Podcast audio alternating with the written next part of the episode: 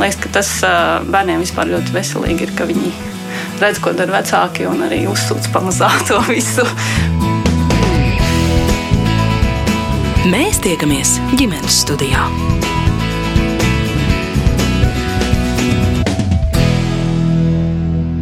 Labdien, un esiet sveicināti ģimenes studijā. Šodien es Agnese Linka, kā piekdienās ierasts, aicinu jūs doties viesos. Šoreiz pie geogrāfijas zinātņu doktoras, Latvijas Universitātes vadošās pētnieces Olgas Sozinovas, lai iepazītos ar viņas ģimeni.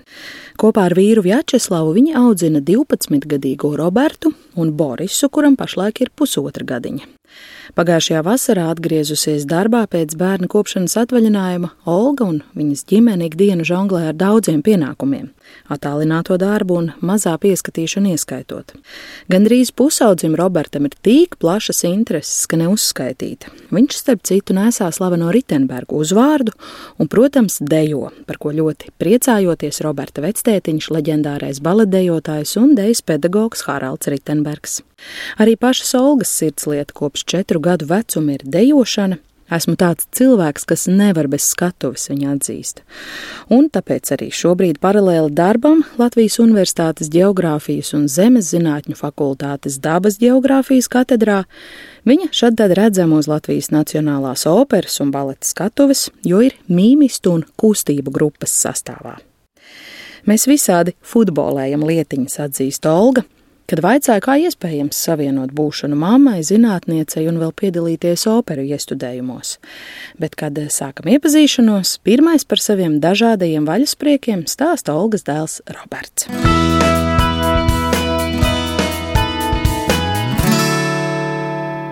Mani sauc Roberts, man ir 12 gadi. Es eju 6. klasē, Rīgas 33. vidusskolā. Eju arī mūzikas skolā, spēlēju gitāru. Esmu gitārā 5. klasē, mūzikas skolā. Nodarbojos ar, arī ar sportu, ar ušu un ar dejām. Varbūt tu vari pastāstīt, kas ir ušu? Ušu ir ķīniešu sporta veids. Es eju tieši Rīgas ušu un sporta skolā. Vai var teikt, ka ušu ir cīņas sporta veids, un, ja jā, tad ar ko tas atšķirās no citiem cīņas sporta veidiem? Viņš saucās Ušu Kung Fu. Nu, kad, kad skaidro, kas tas ir, tad parasti tie atcerās Brīslī.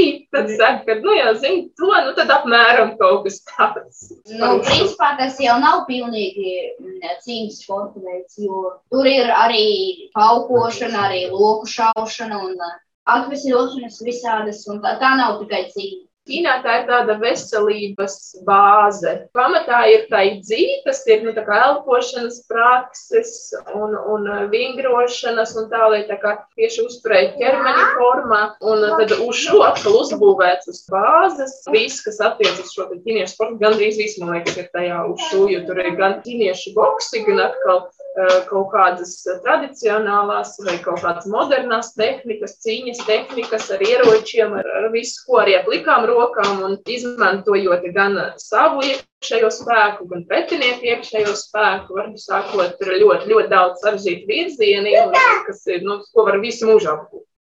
Malta filozofija izklausās. Jā, tā ir. Tā ir. Es trenējos kādu laiku. Nu, man tur patika vienkārši treneri, un kā, kā ne tikai kā treneri, bet kā audzinātāji. Jā, un es zināju, kur es vedīšu dēlu, jo tad, kad dēls piedzima, Viņš paaugās, tam bija skaidrs, ka nu, sports nepieciešams katram cilvēkam, jo, jo vairāk puikam. Viņš bija ļoti, ļoti aktīvs bērnībā, agrā bērnībā, un tad izdomāja, ka tur, jāsūta. Jā, tad eh, aizvedām uz, uz šo, viņam tur ļoti patika. Ar pārtraukumiem, bet nu jau cik trenējies tagad pēc kārtas, cik tādus, kādus trīs gadus. Jā, trīs. Nu, tad jau tā, tagad, tagad jau tā kā nopietni. Kāpēc, Roberta, tev tas patīk? Nu, laikam galvenokārt, ka tur ļoti daudz visi ir. Tagad uh, Ušu noteica par olimpisko sporta veidu, un laikam treneris, man liekas, tad uh, varbūt kādu no mūsu skolas varēs uh, sūtīt uz tām sacensībām, uz olimpiskajām spēlēm. Man patīk, ka tur ir arī paukošana, sacensības ķīniešu paukošanā, sporta nometnes, sporta sanāksmes, citās valstīs sacensības viss ir. Mums uh, treniņi trīs reizes nedēļā, parasti apmēram pa divām stundām. Man arī patīk ļoti, jo pirmdien, trešdien, piekdien, piemēram, tas ir tieši tās dienas brīvas no mūzikas skolas un no dejām un no skolas. Nu, pēc skolas ir laiks un uh, man tāpēc patīk šūka gandrīz pēc jebkura grafika, gandrīz, uh, kā, gandrīz viss tur ir. Man ļoti patīk diezgan labi redzu progresu, jo, kad es uh, atnācu uz treniņu pēc lielā pārtraukuma, trīs gadus atpakaļ, tad uh, es sapratu, ka, ka es, nu, mūsu grupā esmu pats vājākais. Bet tagad es jau jūtu, ka es, nu, es jau neesmu pats vājākais, man arī padodas diezgan daudz kas. Jā, mazais brālis tomēr samiegojies vai par kaut ko citu sakrīt? Nu, varētu būt. Viņš šajās dienās vienkārši nu, bija apslimis un, un, un tāpēc tāds viņš tāds skandalējās. Klau, es vēl pavisam īsi Robertam par tām dejām paprasīšu. Kas ir tavs deju veids, ar ko tu nodarbojies? Tas saucās sporta dejas. Nu, jā, sporta dejas mēs, mums tur arī ir sacensības, bet tāda Covid deja nav. Pāru dejas, tā kā puisis ar meiteni deju, Tev ir ļoti laba partneri, vai ne? Jā, paveicās. Jau daudz, daudzus gadus. Piecus, gan arī sešus gadus. Izklausās tāds ļoti nopietns grafiks Robertam. Tas ir tā nejauši sanācis vai apzināti tā saplānots? Apzināti. Ja? Apzināti īstenībā man liekas, ka viņam ir liela interese, un mēs arī uh, cenšamies nodarbināt bērnus pēc iespējas vairāk Jo nu, kad vēl attīstīt bērnu un kad vēl viņam ļaut pamēģināt kaut ko, nu, ja ne bērnībā, jā, jo nu, tad pēc tam jau būsim pieauguši, tad varbūt kaut kas būs iekavēts, kaut kas būs nokavēts un nepamēģināts. Un tā.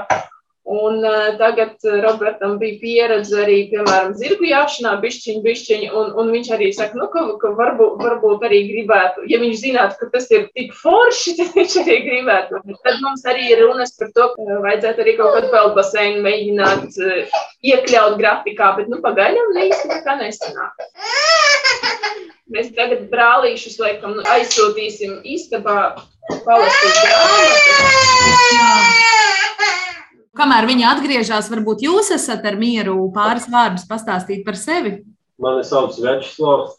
Es strādāju kā, nu, kā menedžers, darbs saistīts ar metālu, metālu tirzniecību un metālu konstrukciju ražošanu. Tagad uh, ar sportu tikai skrienu, jo man bija kaklas trauma, tagad nevaru.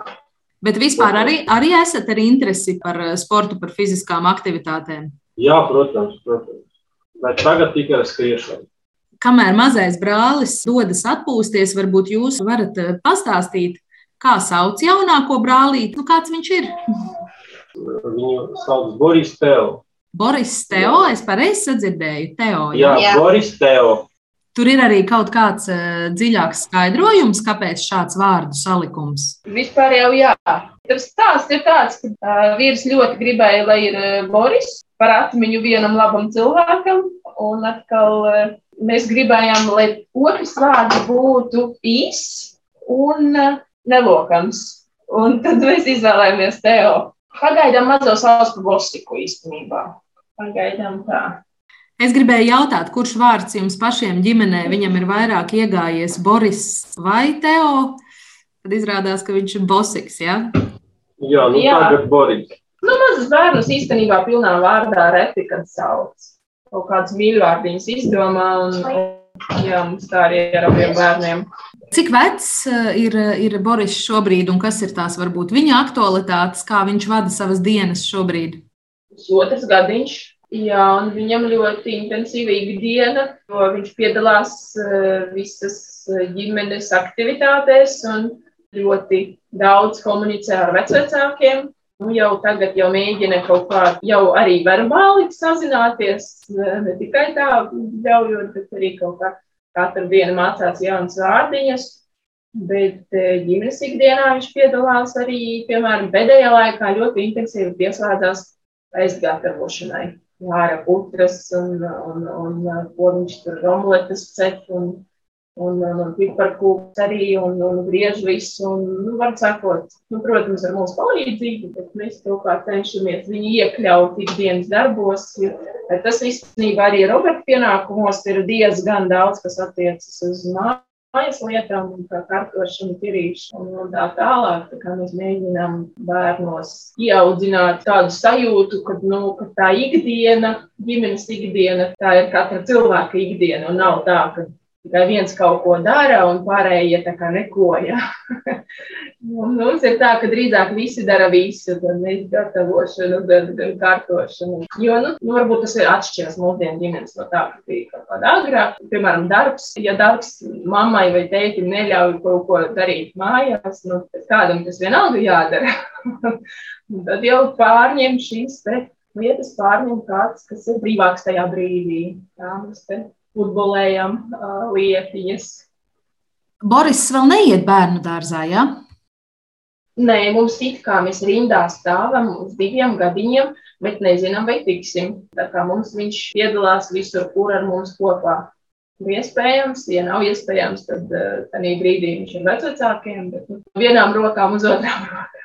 Tagad pusgadu es strādāju, bet nu, cik tie visi ierobežojumi, tad viņi ir, tad viņi nav, un tad sanāk pārsvarā strādāt no mājām. Tas nozīmē, ka tā ikdiena ir tāda, ka jāsavieno ir attālināts darbs ar mazā pieskatīšanu. Tā ir, jā, tieši tā. Tāpēc bez ģimenes palīdzības tas, man liekas, vispār nebūtu iespējams. Tas Lava ļoti palīdz, un Roberts ļoti palīdz, un mēs vienkārši, nu, kā, ko nozīmē palīdz? Mēs vienkārši esam tādi, kādi mēs esam, un, un visi saprot to situāciju, un tad, kad vajag, tad, tad pieslēdzas, jā, kurā brīdī, kurš, kurš vaktē mazo, kurš gatavo ēst, kurš strādā, un tas ir, nu, tāda non-stopā visu laiku, un, tad, ja sanāks, tur, piemēram, kaut kur no rīta dabūt dažas stundas, stundas, vai vakarā ilgāk pasēdēt dažas stundas, tad pa dienu, kad tomēr mazais guļ, vai kamēr mazais pie vecākiem. Jā, tā mēs parasti arī funkcionējam. Tētim arī sanāk attālinātais darbs. Kamēr tētis slimo, tad viņam ir attālināts da daļēji, bet kopumā, kopumā nē, viņam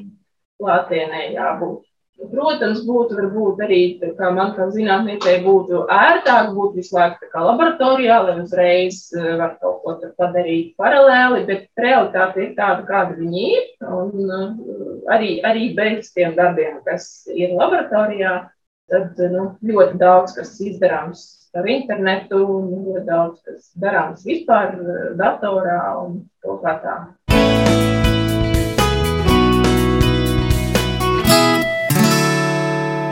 Nu jā, beidzot, eh, mēs eh, tikām arī līdz jums. Jūs pieminējāt mani kā zinātniecei, un uh, puiši jau nedaudz par sevi pastāstīja, bet tagad ir jūsu kārta iepazīstināt ar sevi visos veidos. Uh, droši vien, ka jāsāk nedaudz ar to jūsu košo CV, kurā savienojas šīs divas jomas. Jūs esat zinātniece, varētu izstāstīt arī, kādas ir tās jūsu pētnieciskās intereses, plus jūs eh, strādājat arī operā. Stāsts ir tāds, kopš bērnības vecāki, mūs tas ir mani un brāļus, audzinājuši tā, lai attīstītu visvisādos virzienos. Man jāsaka liels paldies mammai un tētim. Man ir četri brāļi. Mēs visi pieci esam izgājuši mūzikas skolu, brāļi sportojuši gan hokeju, gan, gan, gan tur bija tās mazās jahtiņas, kas sauc to laiku par jāļikiem.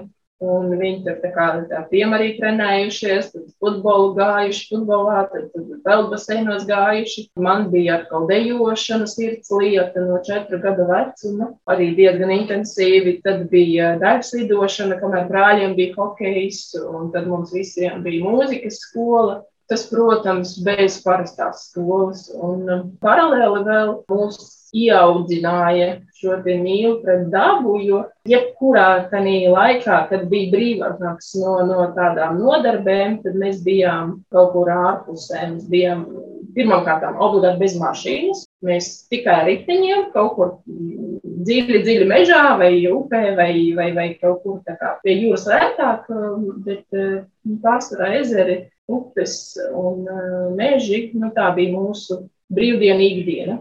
Jā, būdami mežā, mežos un vispār dabā, mums, mums, protams, arī visu, visu vecāki stāstīja par to, kas notiek dabā, par to, kā tas notiek un kas tas tāds ir un, un kā ar dabu sadzīvot un kā dabā izdzīvot un tā tālāk. Un, um, tas droši vien, ka manī krājies, krājies, līdz kamēr, nu, protams, skolā es mācījos labi, kaut kur ļoti labi, kaut kur netik labi. Neceros, vai bija trīsdesmit, laikam, nē, bet atsakot kaut, ko, kaut kas visu laiku manī tāds bija, ka es nevarēju vienoties pati ar sevi, ko es gribu darīt. Jo man patika ļoti daudz kas. Nu, arī, arī tagad īstenībā patīk, jo viss, kas attiecas uz, uz zinātnēm, ne jau uz visām zinātnēm, bet nu pārsvarā Man vienkārši ir tā ziņā, man ir tā iekšēja interese, kas ir tāda neizdoša. Un tas attiecas arī uz kaut kādiem rokdarbiem, uz mākslu, mūziku, deju un, un tajā skaitā zinātni. Tad, kad vajadzēja skolu beidzot, vajadzēja izvēlēties, ko es darīšu. Nu, mamma gribēja, lai es eju programmēt. Es ar kaut ko ceļu negribēju izvēlēties, lai gan arī programmēšana man likās interesanti, bet nu, kaut kā nē. Un tad es paskatījos, ar ko ko nenodarbojas mani brāļi. Man ir trīs brāļi, vecāki par mani, viens ir jaunāks. Un uh, divi no tiem trīs brāļiem, kas ir vecāki par mani, viņi ir zinātņu doktori. Ja? Tad es paskatījos to laiku, ka, nu, labi, ekonomikā jau viens no mums ir, tā tad, nu, datoru zinātnē arī viens no mums ir, ja? nu, tad, nu, kur tad mēs neesam un kas no tā, kas ir skolas priekšmetu sarakstā, kas no tā man interesē visvairāk. Un te jau droši vien nostrādāja skolotāja reputācija un skolotāja spēja piesaistīt skolēnu interesi. Mums liekas, ka geogrāfijas skolotāji pasniedz geogrāfiju, un tas mani kaut kā uzrunāja. Un, un, un, tad es iesniedzu dokumentus vairākās augstskolās un vairākās programmās. Man liekas, sešās programmās iesniedzu, un kaut kādās piecās programmās tiku budžetā. Nu, protams, tāpēc, ka maksas, maksas studijas bija neiespējams eh, ģimenes budžeta dēļ. Un eh, tad es izvēlējos geogrāfiju kā tādu kaut ko jāsaka, eksotisku. Bet tajā laikā, kad es stājos, es nezināju, kas geogrāfija tāda ir. Jo man liekas, ka tā geogrāfija, kas ir skolā, ka tāda geogrāfija ir arī augstskolā, bet tā nebūtu nav. Un tagad jāsaka, ka geogrāfija ir visur. Par jebkuru priekšmetu, ko mēs lietojam ikdienā, var uztaisīt geogrāfisku pētījumu. Mana tāda niša ir gaiss, aerobioloģija, kāda nu, viņi sauc par aerobioloģiju, bet pēc būtības tas ir tas, ko mēs elpojam bet no tāda bioloģiskā skatījuma. Ja. Piemēram, tās daļiņas, kas uh, lidinās gaisā, tās daļiņas arī jāpēta, jo tam ir ietekme uz cilvēku veselību un uh, cilvēku labsajūtu. Šī aerobioloģija arī palīdz pētīt, piemēram, klimata izmaiņas, ja, arī palīdz, uh, tā gan nav mana tāds novirziens, bet nu, vienalga arī, arī lauksaimniecībā veids aerobioloģisko pētījumus. Un jau vairāk kā desmit gadus es esmu šajā lauciņā, aerobioloģijas lauciņā. Tad no vis visādām pusēm pētu gaisu. Un uh, doktora disertācija man bija veltīta tam, lai uztaisītu programmu, kas prognozē, kas modelē, piemēram, gaisa pārnesi. Un, nu, tas ir ar, ar atsevišķiem piemēriem. Vienkāršiem vārdiem sākot tā, no kurienes atlidos, kas atlidos, un cik daudz tā pie mums tad, tad būs. Ja? Tātad tas ir jāsaka, ļoti sarežģīti, jo zinātnē, zinātnē jau viss ir ļoti sarežģīti. Bet uh, interesanti arī, un uh, man atkal patīk, manā darba sfērā tas, ka, jāsaka, atkarībā no garas stāvokļa var pagriezt pētījumu kā gribi un pētīt, nu, jebkura skatu leņķi. Ja? Un tā tad, nu, ja ir garas stāvoklis kaut kā milzīgs, kaut kāds globāls process pētīt, lūdzu, var, var ņemt globālus datus, modelēt, programmēt un arī dabūt kaut kāds labs rezultāts. Nu, ja gribas kaut ko tādu mazītiņu, mikromērogā, tad var paņemt vienu puteksnīti un izpētīt, kas tam virsū dzīvo. Ja? Tas arī ļoti tāds uh, liels lauks, kur strādāt. Un uh, man priecē tas, ka uh, mums ir ļoti laba sadarbība ar daudziem Eiropas institūtiem, universitātēm un, un, un vispār kolēģiem no ārzemēm jo šī sadarbība paver tādas lielākas iespējas un arī ļauj ticēt saviem spēkiem un tam, ka tas ir tiešām nepieciešams. Jo, piemēram, šajā manā jomā Latvijā ļoti maz pētījumu. Un, ja es būtu tikai ieslēgta Latvijā un ne ar vienu nekomunicētu no ārpus, tad man liktos, ka nu, nekas nenotiek un kam tas ir vajadzīgs, un tad es neko nedarīšu. Ja? Bet, nu, tā nav. Un, un liels prieks satikt ārzemju kolēģus, kuri tiešām novērtē pētījumus. Kā jums izdodas to mammas lomu ielikt arī tajā visā ikdienas ritenī? Ar vīru un dēlu palīdzību, kā gan citādi tikai un vienīgi. Un ar vecāku palīdzību, protams. Es tā kaut kā prātoju pirms laika, domāju, nu, ja zinātnieks ir bez ģimenes, ja, nu, ja viņš tikai zinātnieks, tad viņš varētu būt zinātnieks fanātiķis, un tad viņš varētu tiešām nu, upurēt sevi un savu laiku un veltīt tikai un vienīgi zinātnē. Tad, ja atkal zinātnieks vai zinātniece ir cilvēks, kam ir kaut kāds papildus intereses, tad jau jāreikinās ar to, ka tik daudz laika, piemēram, zinātnē nesanāks. Ja? Un, ja tam cilvēkam vēl klāt ir ģimene, nu, tad jau nu, ar divām vai četrām rokām nepietiks. Tad jau vajag nu, vēl klāt kaut kādas rokas. Un uh, mums ir, uh, mums visi dara visu, un uh, tāpēc arī sanāk.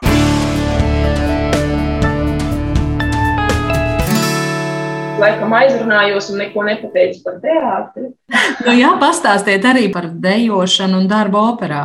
Es jau pieminēju, ka augot dejoju daudz, kopš bērnības. Un kaut kādā brīdī es sapratu, ka tā nebūs mana profesija, vairāk iemeslu dēļ. Tad nu, man negribējās to pamest. Es tomēr esmu tāds cilvēks, kuram nepieciešamas skatuve. Nu, es vienmēr piedalījos kaut kādos koncertos, jo, jo ne tikai dejošanā, mums arī kaut kāda kora koncerta skolā ir bijuši. Nu, jau mūzikas skolā arī tā kā flautu spēlēju, lai gan tur jāsaka, ka es nebiju nekāda tāda laba flautis, bet nu tomēr. Un eh, tad kaut kādā brīdī skolā mani uzrunāja viens no skolotājiem, kas tolaik, tolaik bija ļoti ciešā sadarbībā ar operu, operas eh, mīnista grupas priekšnieks tolaik, un tad viņš tā kā, nu, pateica, ka, nu, vai, vai gadījumā negribu gribu aiziet paskatīties uz operu, no, no, no, no kulisēm, kā tur tas kā notiek. Un tad es biju aizgājusi, un tur, man liekas, ka tur vienkārši trūka cilvēku masu skatē toreiz tajā, tajā brīdī. Un tad man piedāvāja, es negribu uzreiz taisnot, kā iziet uz skatu,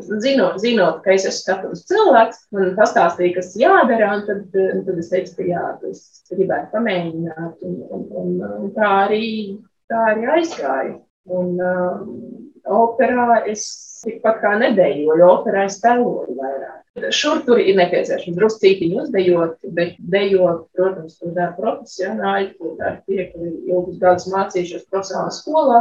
Savukārt mūsu šī grupa, kas ir ministru, jeb kustība grupa, nu, tie ir tie cilvēki, kas palīdz noformēt izrādi. Kad vajag kaut ko tēlot, kur nav nepieciešama šī te ļoti stingra tehnika, tad jā, tad mēs esam priekšā un palīdzam padarīt eh, izrādi interesantāku. Īstenot to, ko iedomājies režisors. Nu tā, es neesmu tur štatā, jā. Šādu kustību grupu mākslinieki ir ārstu mākslinieki. Nu, cik lielu daļu jūsu laika aizņem tieši darbošanās operā? Atkarīgs no tā, cik daudz, piemēram, mēnesī ir izrāžu, kuras esmu iesaistīta. Jo, ja tā ir viena izrāde, tas nozīmē, ka es vienkārši atbraucu uz to izrādi, un tad es tur esmu. Tad, nu, ņemot vērā to, ka izrāde mums labu okrā notiek vakaros, nu, tad jau tas, protams, ir ārpus darba laika. Tās trīs stundas, sanāk, vai četras stundas atkarībā no tā, kas tev par izrādi. Ja, piemēram, ir kaut kāds jauniestudējums, kur jāpiedalās mēģinājumos sākumā, nu, tad tas prasa ilgāku laiku. Daudz laika tas, tas neprasa, tāpēc, ka es jau zinu, ko darīt. Ja būtu mēģinājumi nepieciešami, tad, protams, tas ir grūtāk. Jā, Roberts mums arī izrādēs piedalās. Nu, tagad, nu, pagaidām, protams, ar tām pandēmijām bērnus neiesaist. Pagaidām nav tādu lomu šogad un pagājuši gadu. No sešu gadu vecuma viņam tur bija vairākas izrādes. Aburtā princese, bet tur no savas lomas viņš jau ir izaudzis. Viņš jau ir eh, lielāks, tērpā viņš nelien. Es biju mazs sprīdīgs. Jā, kaut kas starp sprīdīti un buratīno. Viņš skrēja prom no karabas, barabas ar zeltāts, lai zina rokā. Un vēl dažas izrādes. Jā, Don Kihots un iemūrētie. Tur gan operas, gan baleti. Un tas jau atkal sanāca tā, ka, pat cik es biju operā, kaut kā, kad Roberts bija maziņš, tad ņēmu viņu līdzi. Un tad bija tāds operas cilvēks. Viņš kopš agrās bērnības pazīstu visas. Jā. Roberts Ritenbergs. Un, uh, pēc viņa var pateikt, pēc izskata var pateikt. Jo zinot Haraldu Ritenbergu, var redzēt, ka viņš ir, jā, ir mazs bērns. Nu, mēs iepazināmies ar Roberta tēti teātrī. Jā, tad arī Roberts piedzima. Tad es esmu pilnīgi teātris cilvēks. Jā, viņš ir teātris cilvēks. Bet attīsta arī, arī, arī zinātnis šo te smadzeņu daļu. Jā. Nu, jā, universitātē es arī daudz ko Robs bija maziņš un teica, ka viņš būs zinātnieks. Tagad es arī teicu, ka es gribu būt zinātnieks.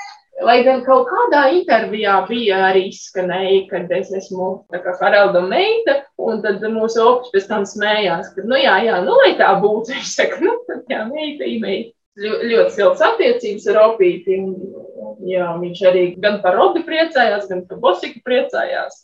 Tā mēs draudzējām. Mūsu opis ir ļoti, ļoti tāds pareizs opis, un viņam drīz, pavisam drīz būs liela jubileja.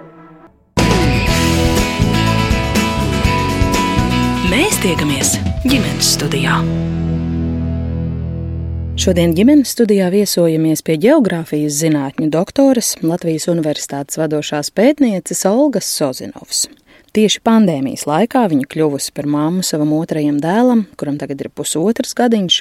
Vecākajam Robertam jau ir 12, un viņš trenējas ušu, dejo sporta dejas, iet arī mūzikas skolā, un tāpat kā mamma, šad tad izbauda skatuves valdzinājumu, uzstājoties operā. Kāpēc? Par to sīkāks izklāsts bija dzirdams raidījuma pirmajā daļā, bet nu mēs turpinām iesākto sarunu.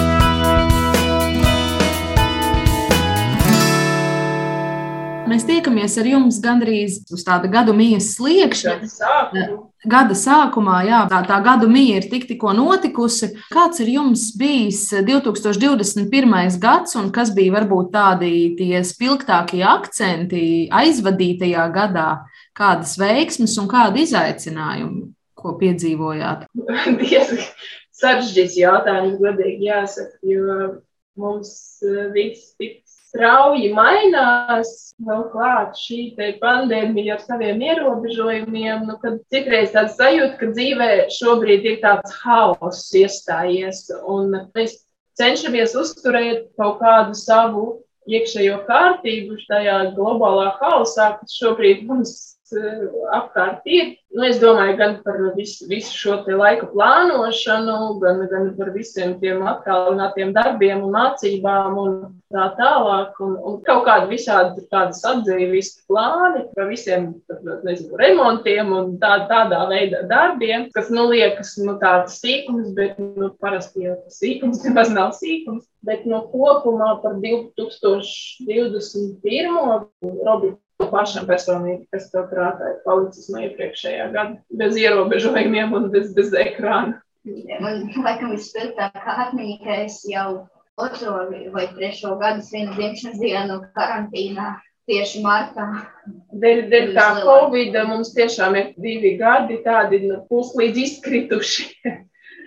no tādas normālās ikdienas. Man pašai, es, es pat nezinu, man jau redz, man līdz jūnijam man bija atvaļinājums bērnu kopšanas. Lai gan es uh, totāli nepiekrītu tam, ka māmiņām bērnu kopšanas atvaļinājums sauc par atvaļinājumu. Nu, tas, tas, man liekas, vispār nepareizi. Ir absolūti nepareizi. Tas ir kaut kāds absurds, jo kāds ir atvaļinājums. Ja? Tas ir kā, laiks, kad mamma it kā oficiāli nav iesaistīta kaut kādos tur pelnīšanas darbos. Nu, varbūt tā, bet, nu, bet bet ne cik tas nav atvaļinājums. Un, uh, Hobby.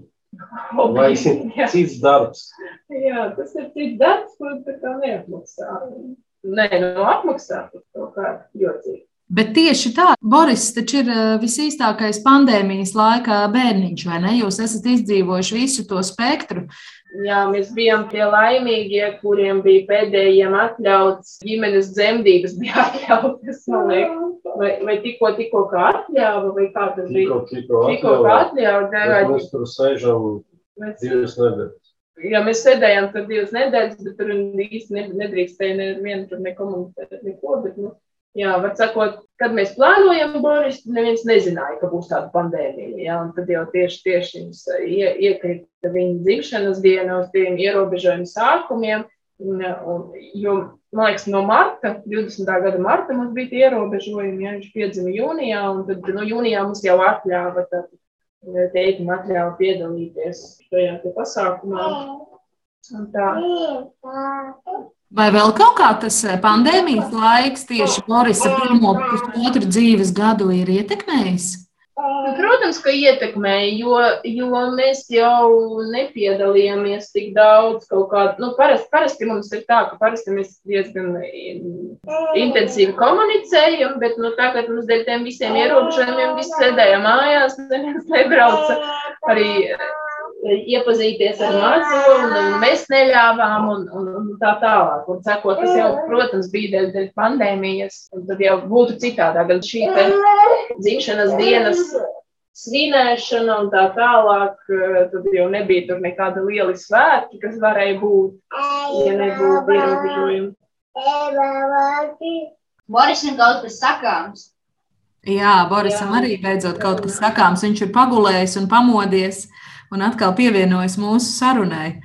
Bet mums, starp citu, ir bijis raidījums arī par to, kā tas ir, ja piemēram, ir piedzimis kaut kad pandēmijas sākuma posmā, un tie ierobežojumi ir bijuši tik ilgi, ka apgrūtina tādu normālu mazā cilvēka ienākšanu šai pasaulē. Nu, jā, pavisam noteikti.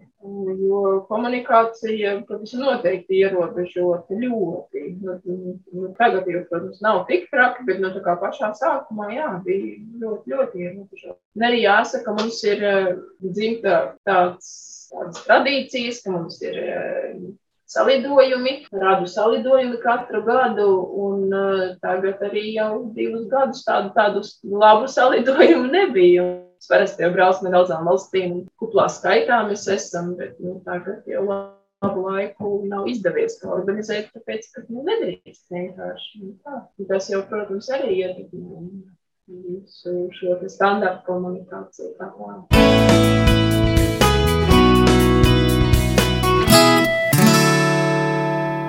Jūsos klausoties un domājot par jūsu tām profesionālajām un pētnieciskajām interesēm, Kā jūsu, kā aerobioloģijas zināšanas eh, un eh, pieredze un skatījums uz lietām ietekmē to, kādu dzīvesveidu, piemēram, jūs veidojat savā ģimenē, kādu jūs mēģinat veidot savu bērnu ikdienu? Nu, ja mēs runājam piemēram par, par gaisa tīrību vai par um, tādām lietām, tad mums, vecākiem, parastajiem, nav tādas informācijas. Mēs esam varbūt pasargāti no daudzām sliktām ziņām, kas savukārt ir jūsu rīcībā. Tas ļauj mierīgi gulēt, tieši domājot, nu, kā mammai par lietām. Jā, es teikšu, jo mazāk ziņu, jo labāk guli. Šajā ziņā kaut kādu īpašu informācijas tādu izmantošanu ikdienā es tā kā mākslīgi es to nedaru, bet man drīzāk ir tā, ka tas varbūt, kas attiecas uz bērnu audzināšanu, es drīzāk pārņemu to, ko kultivējuši mani vecāki bērnībā. Ja? Jo, protams, es izmantoju maksimāli iespēju bērnus iepazīstināt ar kaut ko, to, ko es daru. Mēs ar vīru mēģinām visu laiku bērnus izglītot un attīstīt, nu, cik nu ir iespējams visdažādākos veidos.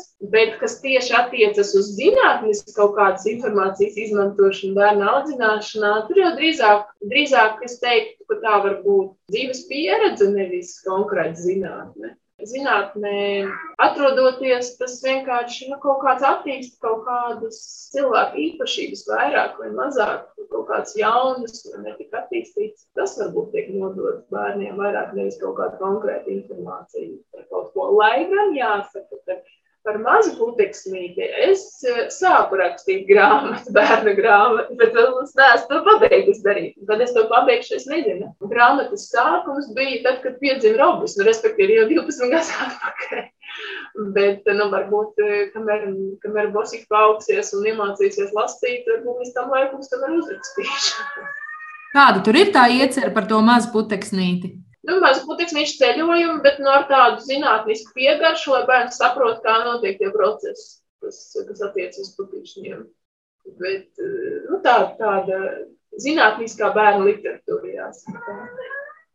Nu jā, bet atgriežoties pie tā iepriekšējā jautājuma, ko es uzdevu, nu, tā situācija ar klimata pārmaiņām, ar vides piesārņojumu, ar gaisa tīrību, jeb eh, drīzāk netīrību, jau nav diezko iepriecinoša. Skatoties, par ko mēs runājam, jā, jo nu, kas man neļauj mierīgi gulēt eh, Otrs pārkraušanas termināls Daugavā. nu, nu, jā, to es zinu, to es zinu, tas, tas man nepatīk, bet nu, ko es varu tur izdarīt? Ja?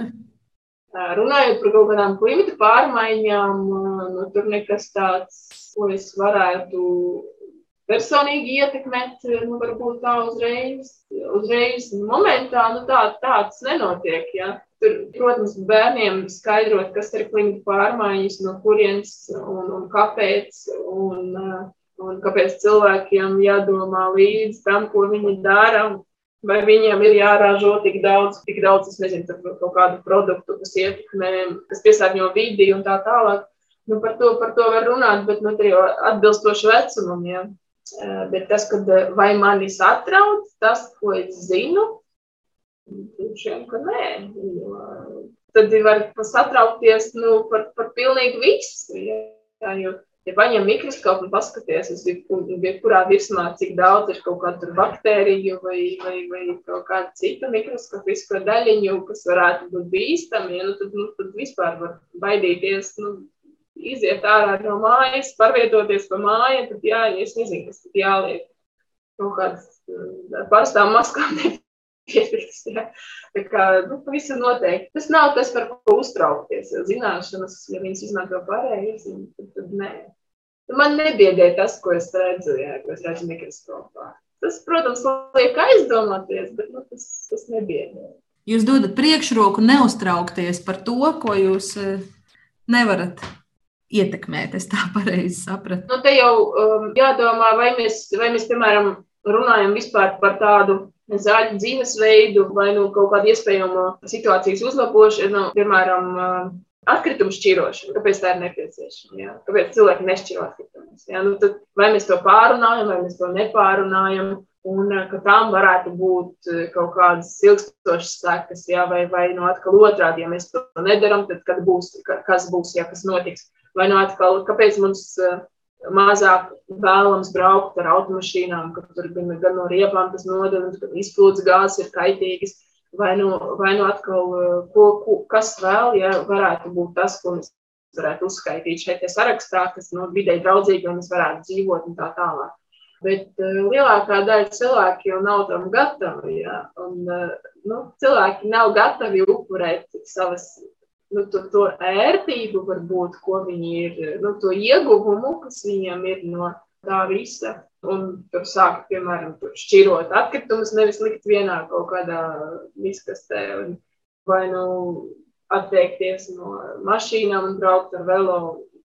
Tas nu, cilvēki, lielā, lielākā daļa cilvēku nebūs tam gatavi, bet nu, vai, vai savus bērnus audzinot, jā, viņi pavisam noteikti viņiem vajag to skaidrot, viņiem vajag to rādīt. Un vienīgais, nu, ja viņi, piemēram, mājās vien, redz vienu, un tad viņi iet kaut kur pie draugu, vai viņi iet kaut kur tur ārā uz ielas, un viņi redz kaut ko citu pilnīgi, nu, tad, tad ir tā disonance bērniem.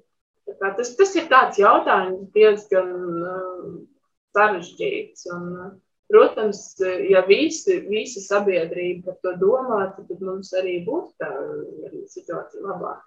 Bet jāsaka, ka Latvijā gaisa ziņā nu, nav tik ļoti slikta situācija. Protams, ja nesēdēt kaut kur blakus tam piesārņojuma avotam, bet nu, kopumā, nu, skatoties, kā, ko mēs salīdzinām. Ja mēs salīdzinām ar kaut kādu Ķīnu, ja, kur ir eh, ļoti slikta gaisa kvalitāte, vai, vai nu atkal mēs salīdzinām ar eh, kaut kādu, teiksim, Zviedriju vai Norvēģiju, kur ir ļoti laba gaisa kvalitāte.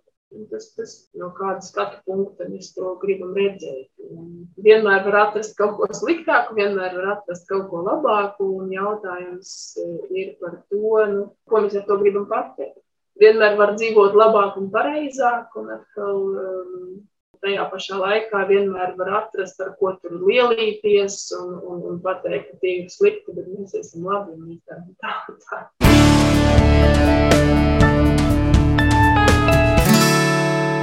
Vai mēs varam noslēgt ar eh, tādu jautājumu arī gadu mijai piedienīgu? Ko jūs vēlētu varbūt paši sev vai citiem 2022. gadā? Kas ir tas, kādu šo gadu gribētos piedzīvot? Es domāju, ka šodien vai vakar tieši Slavam teicu, kad eh, man gribētos, lai šīs 2022.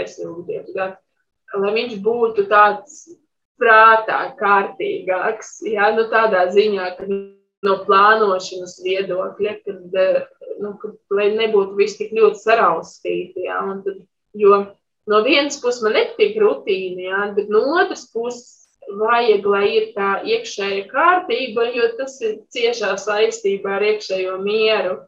Un, man liekas, ka tas ir svarīgi, jo nu, citādi, kad, ka nav tādas skaidrības par to pašu, piemēram, mācību organizēšanu, darbu organizēšanu, dēļ, dēļ, visādiem ierobežojumiem vai kaut kādām aktivitātēm, nu, tad, tad ir grūti, bet um, cik līdz ir tas puslīdz režīms, jāsaka tā, nu, tad, tad viss, viss ir kārtībā. Es ļoti ceru, ka mums sanāks, jā, jo kaut kā jau divi gadi ar šo pandēmiju, nu, gribas jau kaut kur bišķiņ nost no tā visa. Bet tev ir kaut kas sakāms par 2022. gadu. Tikai veselīgi. Nu, jā, tas, tas nav tikai, tas ir ļoti svarīgi. Jā, tad, tad viņi plānot. Jā, nu, tas, tas gan, tas gan. Nu, tā jau, protams, kā es jau teicu, tad, eh, par, par mūsu ģimeni, jā, tad nu, mums jau tādi visādi uh, sadzīves plāni, vis, visādi, kas jau daudziem noteikti ir. Bet, nu, kopumā cilvēkiem, citiem, citiem, citiem, veselību un mīlestību citiem. Tas ir īstenībā pats galvenais, jo tad, cik tā ir ģimenes studija, ja ģimenē ir eh, mīlestība un ģimenē ir veselība, man liekas, ka tad tad pilnīgi viss ir. Nu, pārējais jau kaut kā automātiski nu, kā pielec vai atles, tas, kas nav jābūt. Jā, veselīgi ir mīlestība, tas ir pats galvenais. Šodien raidījumā iepazināmies ar geogrāfijas zinātņu doktoras Latvijas Universitātes vadošās pētnieces Olgas Sozinovas ģimeni vīru Vjačeslavu un dēliem Robertu un Borisu. Ar viņiem sarunājosies Agnese Linka, par raidījumu tapšanu un labskaņu rūpējās arī Ilze Zvaigzne un Nora Mitspapa. Paldies, ja klausījāties! Atgādināšu, ka ģimenes studiju dzirdam arī visās populārākajās podkāstu vietnēs un aicināšu jūs sekojiet mums ģimenes studijas sociālo tīklu kontos. Uz sadzirdēšanos!